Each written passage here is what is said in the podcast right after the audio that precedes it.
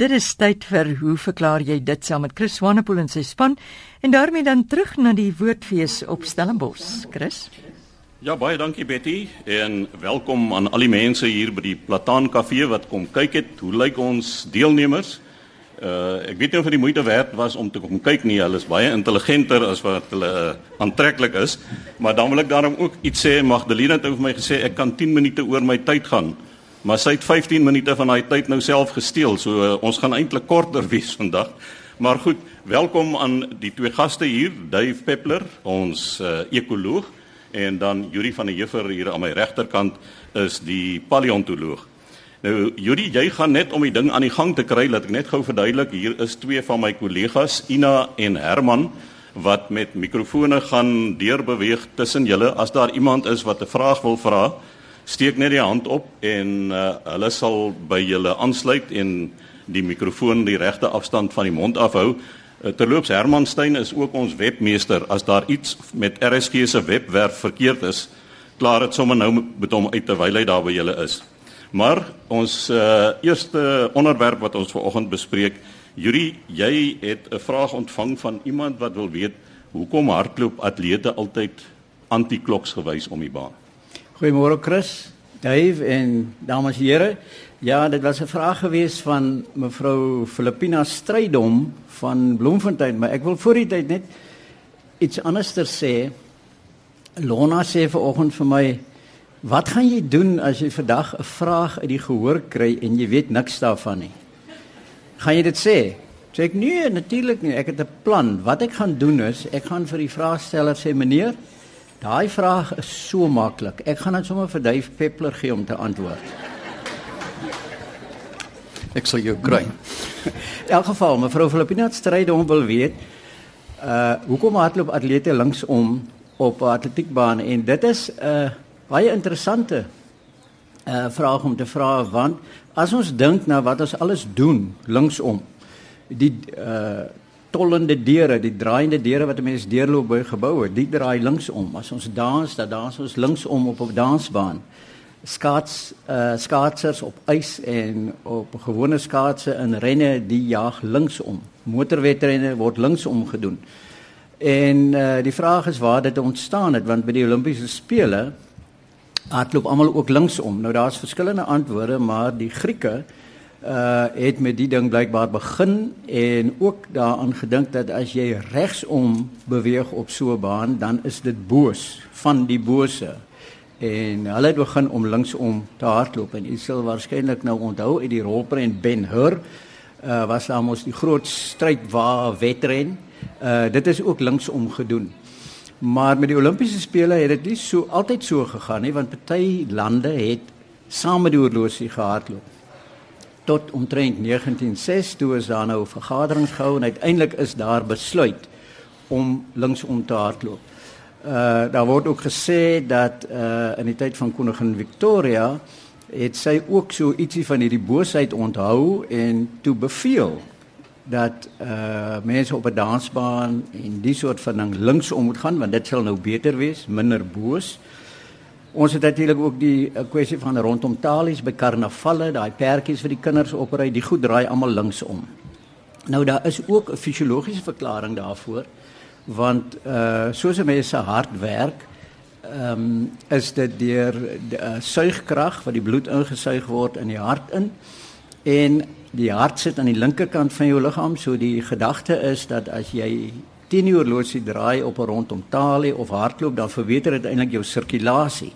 So is al hierdie soort van goed en dan in die finale uh 'n finale punt miskien is uh, meeste mense is regshandig of dan regsvoetig.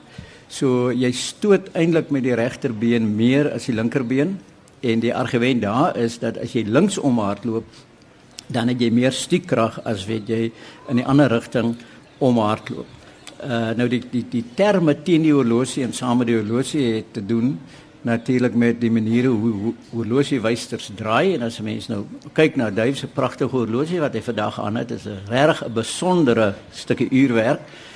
Ehm um, dan is die gewone antwoord daarop dat voor ons horlosies gehad het, het ons sonwysters gehad. En met die beweging van die skaduwee op 'n sonwyser, dan gaan dit na die regterkant toe om kloksgewys en toe hulle nou horlosies met wysers begin maak het, toe het dit in dieselfde omgewing of in dieselfde rigting gedraai. So mevrou Strydom, uh dit is waarskynlik hoekom ons uh hoekom ons linksom hardloop. Daar's fisiologiese redes en daar's kulturele redes. Kan ons net 'n aanduiding kry? Is daar 'n vraag? Ja, daar is een. Herman Steyn is blitsvinnig op pad soontoe. Dankie Herman Chris. Ehm um, ek gaan maar vir jou vra, dan kan jy uh, vir jou wyse Here dit vra. Uh in ons ontwikkeling van alle wesens of uh, biologie op aarde het ons hierlangs die uitwissing van die dinosourusse daarna nie weer sulke groot diere gekry soos van die dinosourusse op die aarde nie. Wel miskien walvisse in die see en so aan. Maar hoekom het dit nie weer op die grond plaasgevind nie? Ons diere is nou seker die grootste olifante omtrent wat ons kan kry. Yuri, jy wil seker daarin 'n beantwoord, maar ek dink dis al die verfynde kos wat ons steeds daar eet. dit mag wel 'n uh, uh, verskil gemaak het. Uh, uh, ek dink 'n mens moet ook kyk na die klimaat van daai tyd want daar word dikwels gesê aan die einde van die kryttydperk dis toe die heel grootste dinosourus uh gelewe het. En daar word dikwels gesê dat die uh landmassas van die aarde was op 'n ander manier gerangskik en mense het 'n meer gelykmatige klimaat uh gekry. En uh dit kan aanleiding gee tot hierdie groot ehm um, groot diere. Die ander ding natuurlik is as jy 'n groter landmassa het, dan het jy eintlik ook meer ruimte vir groot diere want ons het die bekende verskynsel dat wanneer diere op 'n eiland beperk is, dan kry jy gewoonlik dwergvorme. Nou die van u wat nou Willie Estreisen se boek gelees het oor uh, wat hy oor die eiland Malta praat. Uh Malta het 'n hele reeks fossiele en hulle dwergolifante daar. Uh ons sien ook die die een van ons menslike voorsate Homo floresiensis was baie klein geweest. So ek dink die uitermate groot dinosourus wat 'n mens gehad het, het te doen gehad met die omgewing, by die klimaat. En ons het nie vandag meer dieselfde klimaat nie. Uh alhoewel in die see kry jy natuurlik uh, tot 'n mate is dit meer gestabiliseer en die feit dat die diere in water beweeg kan natuurlik uh, uh uh help om uh, om 'n groter dier tot gevolg te hê. So ek sou dit so antwoord en dan miskien sê maar die vraag is so maklik, miskien moet jy vir ons iets sê daaroor. Wel, uh, dankie daarvoor. Uh, ek dink ook dat daar 'n uh, 'n skaal van grootte is soos 'n mens met breedtegraad na die ewenaar beweeg.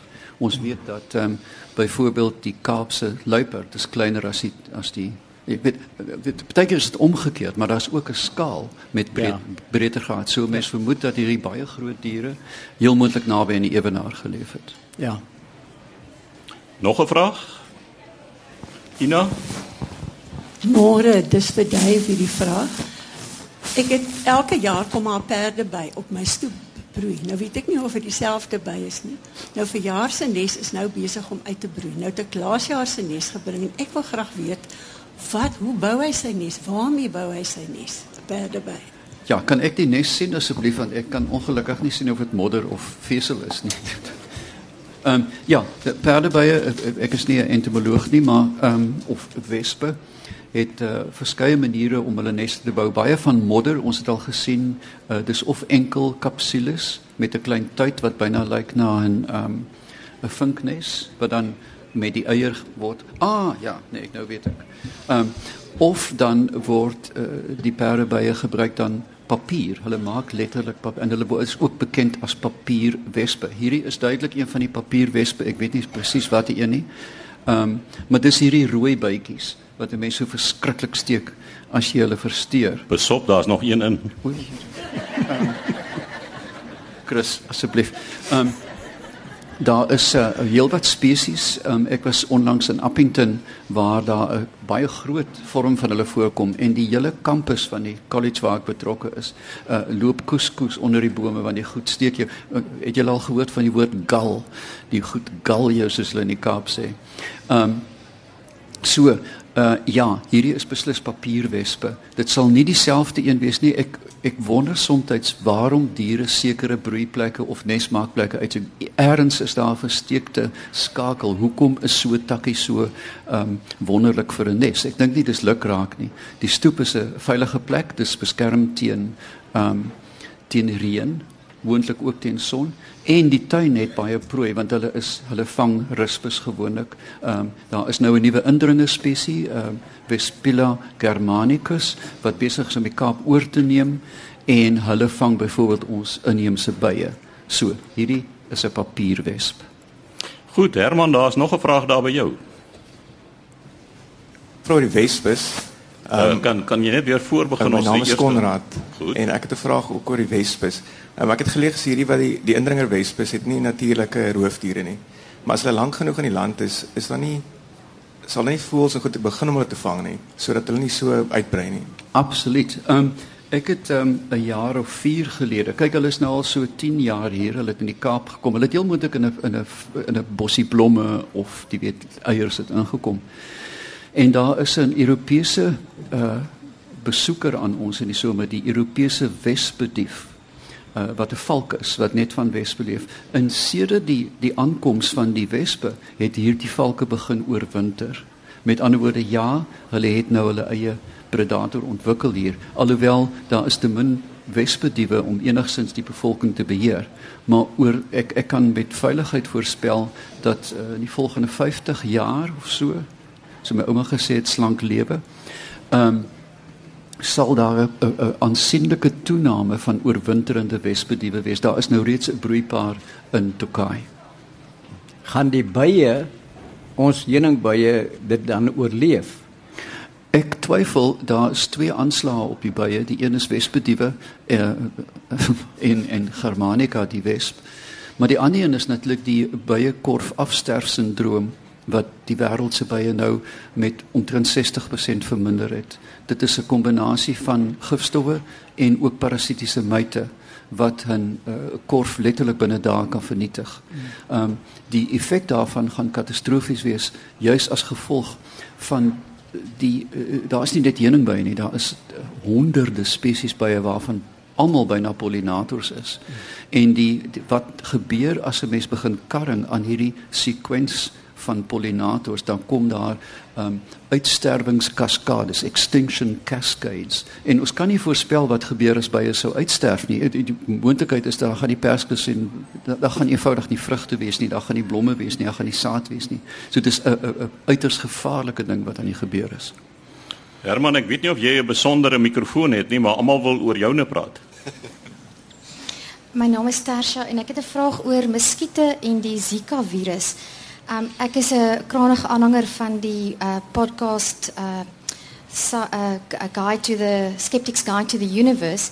En ek het daarop gehoor um, die een vraag wat daar bespreek was was as ons dit sou reg sou ons dit kon regkry om muskiete um, uit te wis deur uh hibrides of of geneties gemanipuleerde steriele muskiete te wat sal my sê broei kweek, ek is nie seker nie. Teel. 'n Teel, dis reg, ja. En dan die tweede vraag wat met die Zika virus wat ook op die uh, program bespreek is, is um die Zika virus is al bekend van die 50er jare af. En nou is daar en ek ek weet nie of mense hulle conspiracy theorists moet noem nie wat sê dat die Zika virus maak nou so opslaa omdat daar was dit is die genetiese manipulasie wat eintlik tot die klein brein sindroom by die babetjies in Brasilië lei. Nou ek is nie 'n aanhanger van conspiracy theories nie, maar mens wonder tog, ehm um, die feit dat die Zika virus al so lank bekend is, hoekom is daar nou eers die verbintenis tussen die klein breinigheid of klein skedeligheid en en die Zika virus? Ek het nie die vaste idee nie, maar kom ons kyk eenvoudig na epidemiologie van uh siektes. Ehm um, die uh, die sekwens die uh, genetiese sekwens van HIV is 'n jaar of 3 gelede finaal uitgepak. Nou weet ons dat HIV tussen 113 en 114 jaar oud is. Bestaan dit reeds? Met ander woorde, uh 115 100, kom ons maak dit 110 jaar, 100 jaar gelede was daar reeds HIV in Afrika. Wat het gebeur? Um 'n klein dorpie het 'n uh, gorilla goulash gemaak. Um almal het daarvan geëet Ehm um, en die virus het gespring soos virusse maar tussen varke en hoenders en mense spring. En uh, daar was 'n infeksie wat heel moontlik baie vinnig binne die groepie versprei het. die dorpie het uitgesterf en daar was uh, 30 jaar sonder HIV tot dit weer opgevlam het. In die 1960s uh, skielik met die Boeing 707 en die Comet uh, van de Havilland wat mense letterlik om die wêreld kon vlieg in 24 uur was die vektor wat hierdie virus dan verplaas het. Ek dink dieselfde het in 'n mate met 'n sluimerende Zika gebeur wat baie lank in klein diskrete uh, voorkomste in Afrika voorgekom het en daar was heel moontlik mikrokefalie ons het net nie van geweet nie uh, in in in hierdie uh, samelewing sou die kind heel moontlik doodgemaak gewees het. Hulle hulle hom eenvoudig net buite gelos het. Of daar 'n mutasie is, ek dink is te vroeg om te sê, maar daar is duidelik nou 'n verband nie net met microcephaly nie, maar ook heelwat ander brein aantastings. Daar Zika gaan 'n skrikwekkende probleem word, veel veel groter as Ebola. Ehm um, en dit gaan 'n groot perk stel op byvoorbeeld die Olimpiese spele. Ehm um, atlete weet ek kan jy weet al is hulle 'n maand of 3 swanger, ek dink hulle het op eintlik vinniger ehm um, en doen goed sterker hoër en verder, maar ek dink dit gaan 'n reuse beperking plaas op beweging in die nabye toekoms. En ons kan nie voorspel in watter ander sentra, watter diskrete klades van klimaatsverandering Zika heel moontlik kan. Ek dink Florida is is is is ryp vir Zika. Ehm um, die Okavango is ryp vir Zika, die nuwe vorm daarvan. So epidemie, ek weet niks van die van die manifestering fisiologies nie, maar ek weet vir 'n feit dat ons het net begin kyk na Zika, daar kom groot moeilikheid. Uh en die opmerking om uh onvrugbare muskiete te teel ja. is uh is glad nie so ver gesog nie want as ek reg uh onthou dan het die Universiteit van Stellenbosch so 'n projek aan met vrugtevlee waar hulle steriele mannetjies steel en dan in die Heksrivier vallei waar die groot uh, uh boerderye is hmm. waar los hulle dan die mannetjies miljoene van hulle uh wat dan paar en dan is daar geen nageslag nie. So dit is 'n metode wat gebruik word om uh om om sekere peste en goed te beheer. So ek kan my voorstel dat dit uh kan gebeur met muskiete ook. Die probleem met baie van die goed soos Duif natuurlik gesê het is dat uh, ons kommunikasie is vandag so goed. Hoendergriep het oor die wêreld versprei as gevolg van mense wat lande besoek een dag en die volgende dag in 'n ander land is. So ons uh, dra eintlik self by tot tot die mate waar so 'n ding 'n probleem word. Ja, ek dink dit is dit sou uiters gevaarlik wees om te praat van die uit, uitwissing van muskiete as 'n groep insekte want ons het eintlik geen idee van wat hulle anders doen as mense buite nie en dis uiteraard net die wyfies. So, jy weet hulle mag subtiele pollinators wees en soos met uh, met hierdie uitsterwingskaskades dink ek sou dit so waghalsig wees om muskiete eenvoudig te sê ons gaan hulle uitwis. Ons kan er, en die skaal waarop ons werk, jy weet die Heksrivier vallei teenoor die Amazone is is 'n redelike skaalverskil. Ehm um, hoe op aarde in in Suid-Amerika is hulle nou besig om om die die teen begrafplase te spuit. Jy weet my pa het altyd gesê jy moet nie teen 'n waterval urineer nie want dit help nie. Ehm um, so ek dink dit gaan klein diskrete beheermaatreëls wees, maar om muskiete eenvoudig uit die natuur te neem is vergesog. Ina, daar is nog 'n vraag by jou. Ek het gewonder waarom haie so in varswater riviere kan opswem terwyl party visse is baie beperk tot net tot seewater. Ek kan uh ekskuus. Daar's uh dankie. Daar's twee woorde wat mense hier kan gebruik en dis urihalin en stenohalin. Steno wat beteken klein, klein beperking, klein hoekie en mens kry dit onder baie van die visse dat uh, seker is is aangepas by spesifieke soutgehaltes in die see en hulle is stenohalin terwyl die wat urealin is 'n uh, hele gradiënt van soutwater kan verdra. Haie is toevallig van hierdie visse wat dit wel kan doen. Hulle kan veral die Sambesia, ek dink hulle praat in Engels daarvan as 'n bull shark wat so diep nou opswem in die Breë rivier en uh in die Zambesi rivier ook. So hulle kan uh uh, uh verskeie gradiënte van sout in die water verduur. Nog 'n vis wat dit kan doen is die forel en die salm. Ons weet almal uh salm broei uit uh, hoog op in redelike klein riviertjies en migreer dan see toe en dan wanneer hulle weer uh, moet aanteel dan gaan die salm terug na die spesifieke riviertjie toe waarin hy uitgebroei het en dit het blykbaar met reuk te doen. So daar ja, is 'n gradiënt. Ek dink uh mens vang in die nag in die breë rivier vang jy kabeljou wat in die varswater inkom. So visse is nie net uh of seewater of varswatervisse nie. Judy, jy sal onthou dat um, professor Dani Brink voor hy professor was, ehm um, 'n poging aangewend het om die vangs van tuna te optimaliseer. Uh wat jy weet jy van die tilapia, die pink tilapia. Nou, hy het pink tilapia geteel gewone ou varswater moddervis en hulle dan binne 3 dae omgeswaai na volle sterkte seewater sodat hulle dit um, as lokas kon gebruik vir die tina om spesifiek die tina te teiken en nie 'n byvangs te hê nie. So, dit werk beide kante toe. Jy kan 'n 'n 'n nie tradisionele varswatervis kan jy onder die regte toestande kan jy hom swaai na volle soutwater binne 'n baie kort tydperk. Nou ja, iemand by die huis wat gewonder het wat ver oggend aangaan. Ons is hier by die Woordfees op Stellenbosch en ons bied hoe, hoe verklaar jy dit direk aan voor 'n gehoor hier? En terwyl daar nou nie 'n vraag uit die gehoor is nie, Dave, jy het een ontvang. Wanneer is 'n soogdier 'n knaagdier? Chris, ek het 'n baie wonderlike klein e-pos gekry van mevrou Elsa de Tooi van Randburg. Sy sê in my gemoed het ek altyd gedink knaagdiere is kleinerig soos muise en rotte is daar 'n definisie. Maar nou sien sy op TV in Suid-Amerika is daar 'n kalibri so groot so skape en hulle is ook knaagdiere en vreetblare. Terloops kan ons nie van hulle kry om die water jasinte in die waterpeespoortdam op te vreet nou. Dit die kalibri wat sy van praat is natuurlik uh, glad nie 'n kalibri nie, maar 'n hele ander dier. Maar as sy dan vra wat is 'n 'n knaagdier, dit uh, kom uit die latynse wortel uh, rodere wat beteken om te knaag. Nou hulle word gekenmerk aan aan reusagtige snytande, die incisivi uh, wat uh, swaar belaai is met emalia aan die voorkant, minder aan die agterkant en dit laat die stomme goed die hele dag vreet. Hulle moet vreet want anders te groei hulle tande letterlik deur die kake of soms deur die wange.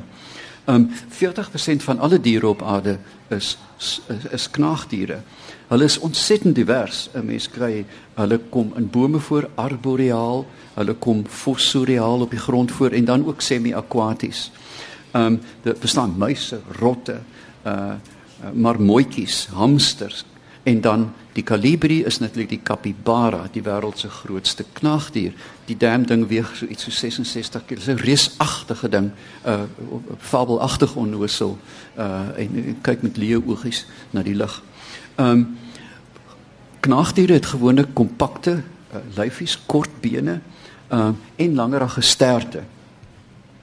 Die tande uiteraard word gebruik om te knaag. Dis waar die naam vandaan kom. Gate te grawe soos die molle en natuurlik dan ook verdediging. Het iemand al gesien hoe kom jou hond by die tuin gehardloop met 'n reuse mol aan sy lip?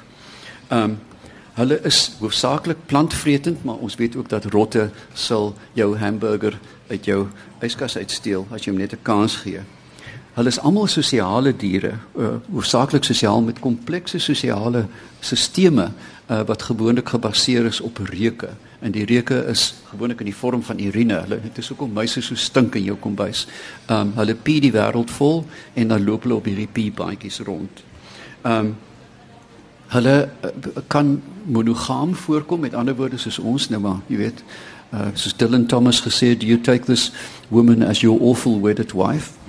Um, maar hulle kan ook um, polygam wees waar een mannetjie 'n aantal wyfies is soos in Utah in Amerika uh, en dan kan hulle ook natuurlik baie vrypostig wees. Um, hulle is peste uh, baie van hulle die skeepsrot. Ons weet hoe daai dan jou jou dak kan afvreet van jou huis af die bruinrot en natuurlik daai huismuis. Huismuis dink ek kan nie nie 'n kameel nie, maar 'n huismuis gaan deur die oog van 'n naald. Jy kan doen wat jy wil, die dam ding kom in jou kombuis in. Hulle is ook indringers dat uh, hierdie rotte is so suksesvol dat hulle wêreldwyd eenvoudig eilande kan oorneem soos Hawaii en ek dink ook uh, wat is ons Marion het groot rotprobleme. Ehm um, die die tand uh, formule is so Yuri jy sal beter weet as uh, paleontoloog dat hulle so diastema, hulle het, hulle het 'n gaping tussen die voortande en die koutande en dit is om soos 'n goeie model hulle kieste te kan insuig. Want as jy 'n knaagdier is, jy kan nie jou kieste insuig nie, dan kry jy krummels in jou keel. So, uh hulle pruil uh onder die grond uh met ingesuigde kieste. Ehm um, die capybara wat uh, mevrou wat was haar naam mevrou uh, de Tooi gepraat het as die kaliber is 'n reusagtige ding tot gesê het 66 kg lomp. Hulle is semi-aquaties. Hulle kan lank onder die water bly en hulle grootste vyand is die jaguar die uh, ekwivalent van ons luiperd en dan natuurlik ook die groot anacondas wat hulle gereeld vang. Ehm um, hulle fluit vir mekaar uh hipersonies. Baie van die kommunikasie van hierdie groep diere is in die ehm um, uh bo ons uh, vermoë om te kan hoor bo 20000 siklusse. Uh so op so hoog as 60000 siklusse. Julle hulle kan ontsaglik hoë kommunikasie en dit is hoekom 'n kat natuurlik met sy ore so gespits sit want katte kan ver in die ultrasoniese uh baan inlu inluister. Ehm um, Hulle wat kan ek nog van hulle sê Irene ja, hulle Irene floriseer gewoonlik onder ultraviolet lig.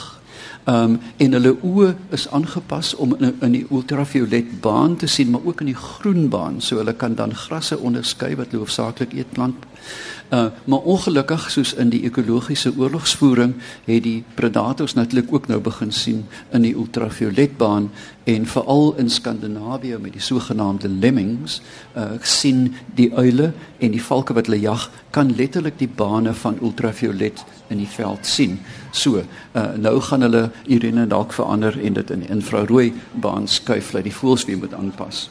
Um wat kan ek nog van hulle sê? Ehm um, hulle het uiteraard laastens baie e belangrike ekologiese funksies. Uh, hulle voorsien kos aan 'n hele klomp roofdiere.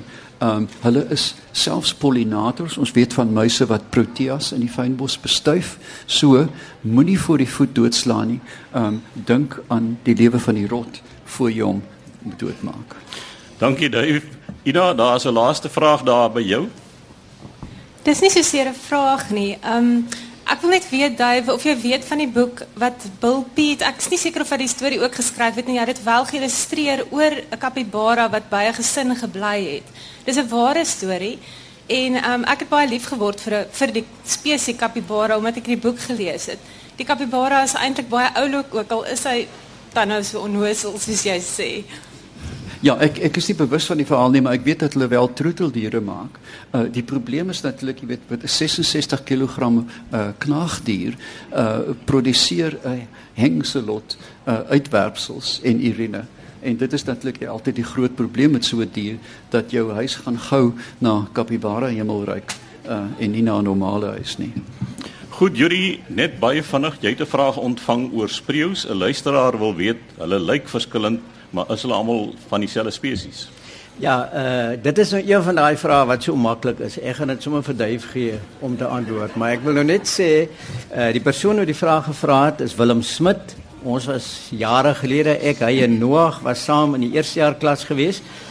En uh Willem het toe uh, skoolhoof geword met 'n intense belangstelling in voëls en die verskillende voëlspesies wat 'n mens kry. So hy's baie ingelig daaroor en hy sê Duif dat hy dikwels op sy gras hierdie tyd van die jaar sien hy 'n hele klomp spreeus, maar daar's uh verskillende groottes, die kleur van die vlerke verskil. Hy het selfs een gesien. Dink ek het hy gesê wat wit stertvere het en allerlei kolle uh, daarop en hy wil weet wat hier aangaan. Is dit verskillende soorte spreeus of nie? Nee, nee, beslis ek dink hy praat van Sturnus vulgaris, die gewone Europese spreeu wat um, Cecil John Rhodes ingebring het. Die ding klink so.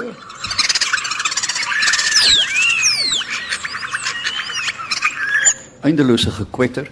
Hulle is soos klein Duitse werkertjies in 'n fabriek. Hulle stap in linies oor jou gras en eet baie insekte op.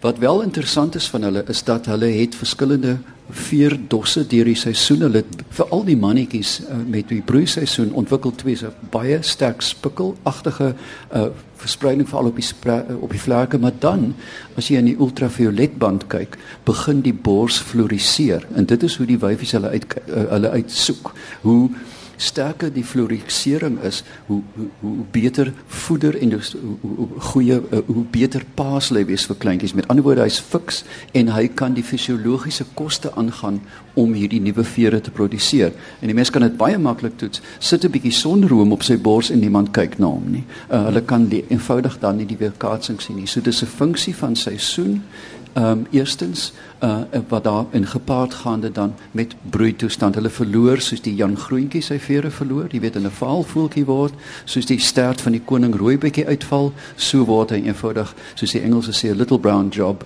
maar hy kraai koning in die broeityd. Nou ja, die tyd het ons ongelukkig ingehaal. Baie dankie aan almal wat hier kom saamkuier het by die Plataan Kafee om te luister na ons kenners, Dave Peppler en Yuri van der Heever. Skryf gerus aan ons met vrae of kommentaar by hoe verklaar jy dit? Posbus 2551 Kaapstad 8000 of stuur 'n e-pos aan chris@rsg.co.za